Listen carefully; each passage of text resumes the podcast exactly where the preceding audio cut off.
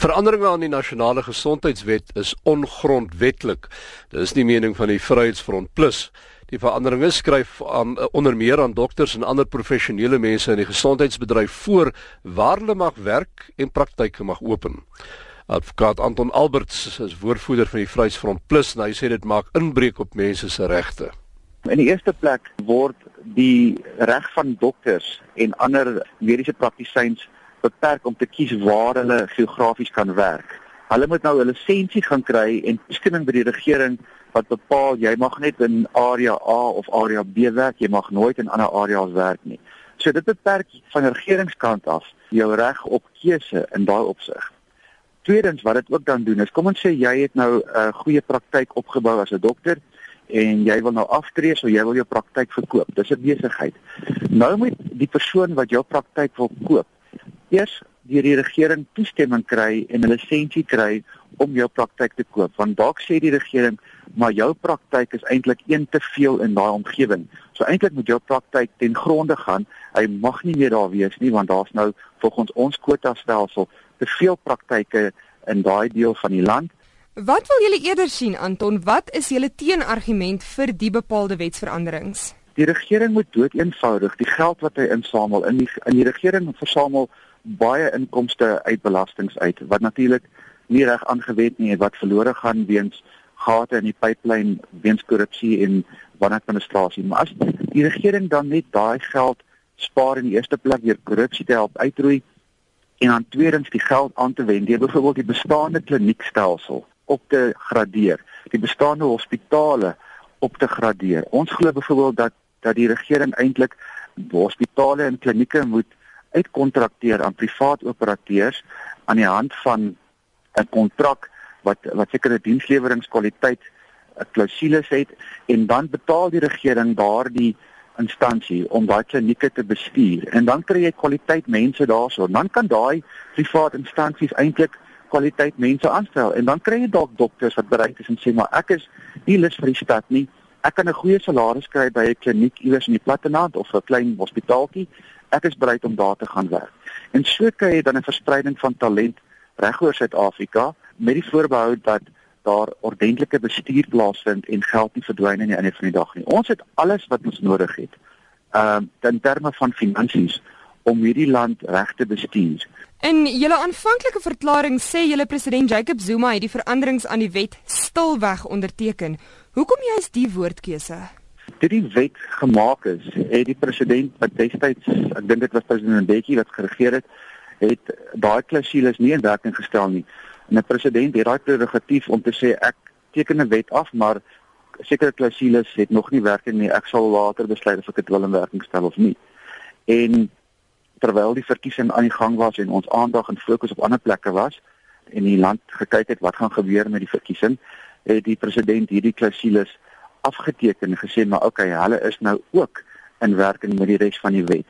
En en dis hoekom daar gesê word dit is stil weggedoen en selfs die ander media by wie ons nou die wenk gekry het dat dit gebeur het, het gesê maar dit is stil stil gedoen want daar was nie 'n 'n formele afkondiging of iets van die aard gewees nie.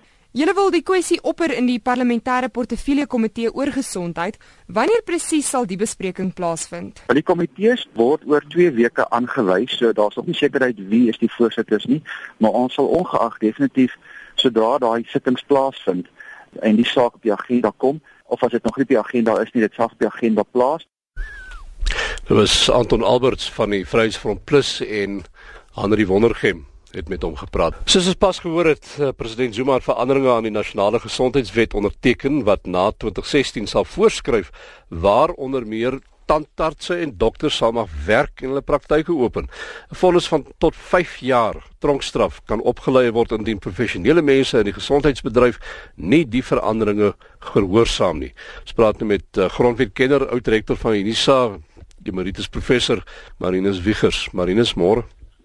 Môre Kobus, so 'n lang reeks kwalifikasies hê. Nee, maar ons moet slim mense hier op die program betrek, nee. So die, die Vryheidsfront Plus bestempel die verandering as ongrondwettig. Is dit so dink jy? Ja, ek dink dit kom moeilikheid. Uh, Kobus, die grondwet is baie duidelik. Elkeen van ons het die reg om sy beroep en sy bedryf te beoefen waar hy wil en self te kies nee en dan saam met dit die reg op vestiging. Jy kan dit bedryf daar waar jy dit wil.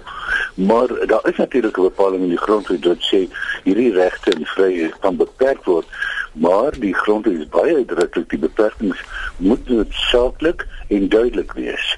En uh, dit moet strook met 'n demokratiese regering waar vryhede geregverdig uh, uh, gehuldig word. So die um, grondwetlike vryhede wat daar gegee word vir vestiging en jou beroep en jou bedryf te beoefen is baie sterk. En as die regering dit beperk soos hy dit nou doen en hy sê dit is noodsaaklik en ek sê heeltemal saam dis eintlik swak uh dienste lewering uh wat die regering moet uh, regkry deur kliniek toestig en so en en uh, daar is sekerlik 'n baie baie groot vraagteken oor die grondwetlikheid van die bepalinge.